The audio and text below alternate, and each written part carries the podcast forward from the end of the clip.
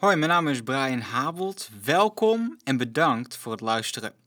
Het is mijn gebed dat deze boodschap vanuit het woord van God je hoop en bemoediging zal geven. Hey, vandaag wil ik het met je hebben over het volgende onderwerp: vrijheidsmaaltijd. Het heilig avondmaal. Misschien ben je er bekend mee, misschien niet. Maar vandaag wil ik jou uitleggen waar dit vandaan komt en hoe het jouw leven vrijheid kan geven als nooit tevoren. Ik wil een gedeelte met je lezen vanuit Matthäus hoofdstuk 26. Jezus die kwam naar Jeruzalem en die zou daar gekruisigd worden om uiteindelijk te sterven aan een kruis. Maar op die avond, voordat dat allemaal gebeurde, gebeurde er het volgende. Op de eerste dag van het feest van het ongedezemde brood kwamen de leerlingen naar Jezus toe en vroegen: Waar wilt u dat wij voorbereidingen treffen, zodat u het Pesachmaal kunt eten? Hij zei: Ga naar de stad en zeg tegen de persoon die jullie bekend is: De meester zegt: Mijn tijd is nabij. Bij jou wil ik met mijn leerlingen het Pesachmaal gebruiken. De leerlingen deden wat Jezus hun had opgedragen en bereidden het Pesachmaal. Toen de avond gevallen was, lag hij samen met de twaalf aan voor de maaltijd. Tot zover. hey, de term Pesachmaal die wordt hier gebruikt, maar uh, wat betekent dat eigenlijk? Nou, het was een Joods feest en de betekenis was een vrijheidsmaaltijd. Voor de Israëlieten, het volk van God, was het een herinnering en een viering van de bevrijding van de slavernij uit Egypte. En zo'n Pesachmaal, wat één keer per jaar plaatsvond, was echt geen ongewone gebeurtenis. Het werd elk jaar gevierd sinds de uittocht van de Israëlieten uit Egypte. Nou, in de tijd van Jezus was het al ongeveer 1500 jaar geleden dat dit had plaatsgevonden. En we zien hier dat de Joden dat ook vieren. Jezus was een Jood en hij vierde dat ook met zijn discipelen. Nou, zelfs vandaag de dag, dat is ongeveer 3500 jaar nadat dit evenement heeft plaatsgevonden, vieren Joden het nog steeds. Het was een gewoonte voor de kinderen die opgroeiden en er met hun gezin het volgende verhaal werd verteld, wat ik jullie nu ga vertellen. God die had een verbond gesloten met Abraham. En het verbond was dat hij hem tot een groot volk zou maken en hem een land zou geven. Alle komende generaties over de hele aarde zouden worden gezegend door dit verbond. Abraham kreeg Isaac en Isaac die kreeg Jacob, die ook wel Israël werd genoemd. En Israël die had twaalf zonen. En zijn elfde zoon, die werd gehaat door zijn oudere broers en verkocht als een slaaf naar Egypte. Nou, in Egypte werd Jozef uiteindelijk onderkoning, maar wat er gebeurde is dat de Israëlieten tot slaven werden gemaakt een aantal generaties later. Het volk groeide uit tot uiteindelijk zo'n 2 miljoen mensen en voor 430 jaar waren ze slaven in dit land. God riep een man genaamd Mozes om het volk uit het land te leiden, maar de farao die liet het volk niet gaan. Dit volgde een aantal hele erge plagen, waarvan de laatste van deze plagen het ergste was. Toen Mozes jong was, had de farao eerst alle Israëlitische jongetjes van twee jaar en jonger laten vermoorden. En de laatste plaag van een serie van zeven plagen was dat er een doodsengel door het land van Egypte ging, die alle eerstgeborenen liet sterven. Dit gebeurde op de laatste avond toen alle Israëlieten in hun huizen waren en hun spullen al gepakt hadden om te gaan.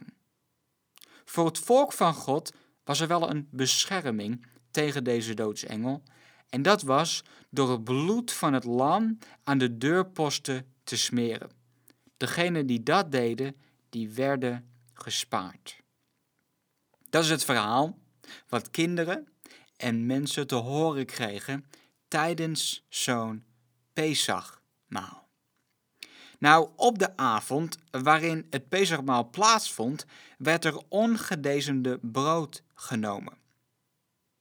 En dat komt vanuit die tijd ook dat de Israëlieten op de laatste avond in Egypte waren. God gaf ze instructie om dit brood te maken en om het te eten. Nou, dit ongedezende brood is dun en niet dik en dat komt aangezien het een ingrediënt mist. En dat is namelijk gist. Gist zorgt ervoor dat het brood omhoog stijgt. Nou, daar hadden ze op dat moment helemaal geen tijd voor. Het kon namelijk uren duren voordat dat brood omhoog ging stijgen, maar die tijd hadden ze helemaal niet, omdat ze weggingen. Daarnaast was er ook wijn dat gedronken werd als teken van het bloed van het lam dat ze beschermde. Ook werd er een paaslam voorbereid en gegeten. En het Pesachmaal was dus ook echt een maaltijd over vrijheid. Namelijk, door het lam redde God de Israëlieten van de slavernij van de farao. Want nadat dit gebeurd was, gingen ze weg uit die slavernij van Egypte naar het beloofde land die God voor hun had weggelegd. En ze werden bevrijd door die slavernij, door het bloed van het lam wat aan hun deurposten werd gesmeerd, waren ze vrij van die doodsengel en konden ze vrij weggaan. Nou, op deze vrijdag, dat Jezus met zijn discipelen aan het Pesachmaal ging, gebeurde dit ook. Ze vierden dit Pesachmaal. Nou, wij gedenken um, dit heilige avondmaal op Witte Donderdag, maar uh, in de ogen van de Joden vond het eigenlijk op vrijdag plaats. Dit komt aangezien voor Joden de nieuwe dag begint als de zon ondergaat. Dus bij zonsondergang op donderdag begint de nieuwe dag vrijdag. In onze tijd begint de nieuwe dag op middernacht, maar bij de Joden is dat anders. Dus voor onze voorstelling vond het dus op donderdagavond na zonsondergang plaats, maar voor de Joden was dit al vrijdag. Nou houd je even goed in je achterhoofd dat iedereen, inclusief Jezus met zijn discipelen, elk jaar dit Pesachmaal vierde. Steeds toen het brood gebroken werd en de wijn gedronken werd en het lam geslacht werd, herinnerde iedereen de bevrijding van de slavernij uit Egypte. Voor 1500 jaar werd dit zo gevierd. En moet je nou eens goed opletten wat Jezus doet in het volgende vers.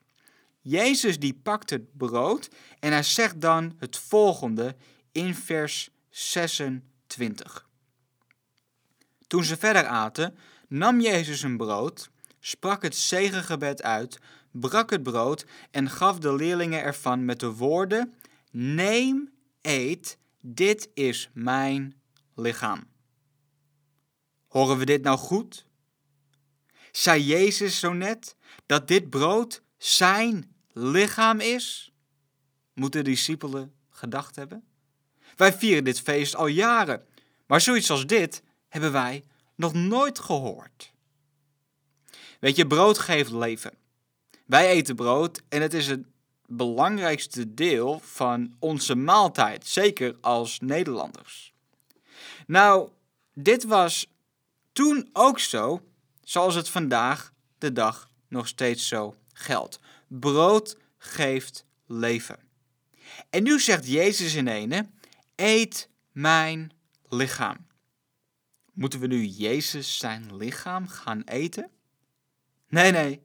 Maar zoals brood leven geeft, is Jezus lichaam uiteindelijk wat je leven geeft. In Johannes hoofdstuk 6, vers 35 zegt Jezus het volgende: Ik ben het brood dat leven geeft. Wie bij mij komt, zal geen honger meer hebben, en wie in mij gelooft, zal nooit meer dorst hebben. Jezus deed hier een voorspelling wat hij een paar uur later zou gaan volbrengen aan het kruis en hij in zijn bediening al over gesproken had. Namelijk dat zijn lichaam en zijn daad aan het kruis hetgene is wat ons leven zou geven. En dan doet Jezus nog iets. Hij nam namelijk de beker, hij sprak het dankgebed uit en gaf hun de beker met de woorden: Drink allen hieruit. Dit is mijn bloed, het bloed van het verbond, dat voor velen wordt vergoten tot vergeving van zonde. Staat in vers 27 en 28. En opnieuw moeten de discipelen hebben rondgekeken met de gedachte: dit is het bloed van Jezus? Dit is toch het bloed van het lam dat bij de uittocht van Egypte geslacht is? Waarom betrekt Jezus dit dan op zichzelf?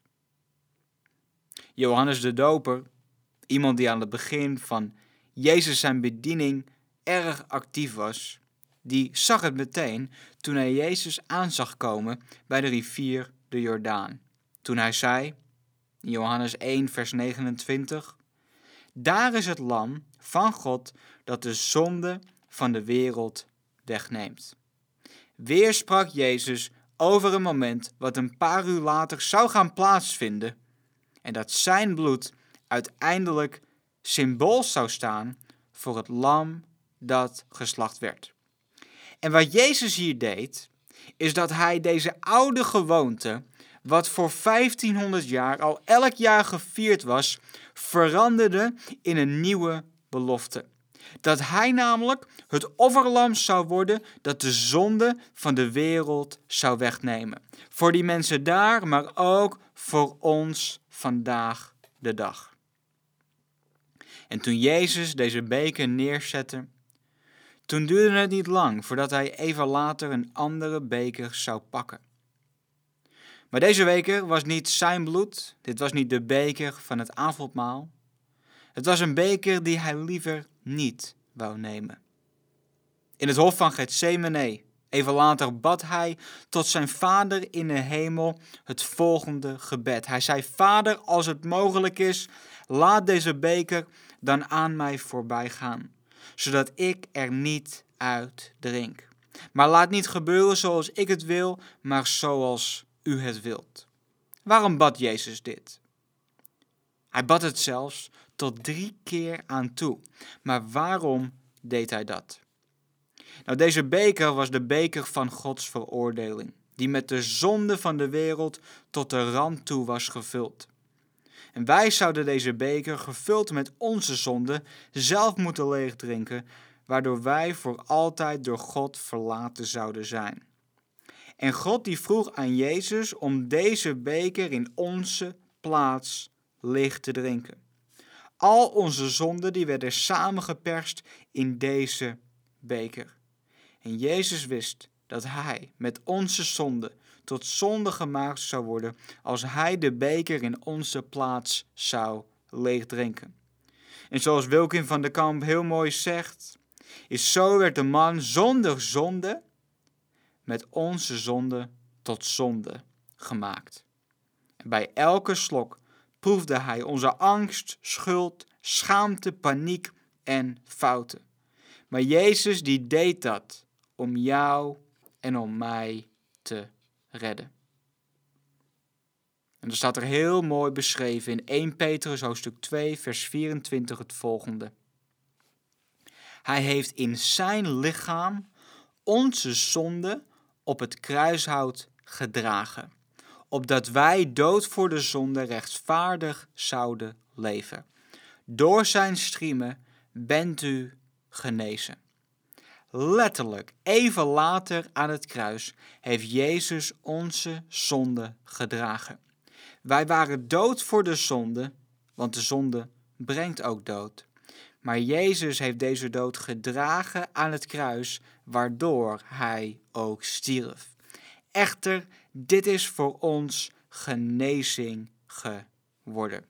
En daardoor was dit ook echt een vrijheidsmaaltijd. Samengevat komt het neer op het volgende. Tijdens het Pesachmaal werd het volgende herdacht. Door het lam redt God de Israëlieten van de slavernij van de farao. Maar Jezus gaf er een nieuwe betekenis aan. Door Jezus redt God de wereld van de slavernij, van zonde en dood. Hoe mooi is dat? Door wat Jezus heeft gedaan, kunnen wij vrij zijn van zonde, dat is ongehoorzaamheid aan God, en van de dood. En Jezus die nodigt ons ook uit om aan dit avondmaal deel te nemen en om deze nieuwe betekenis te vieren. Hey, bedankt voor het luisteren. God zegen en tot de volgende keer.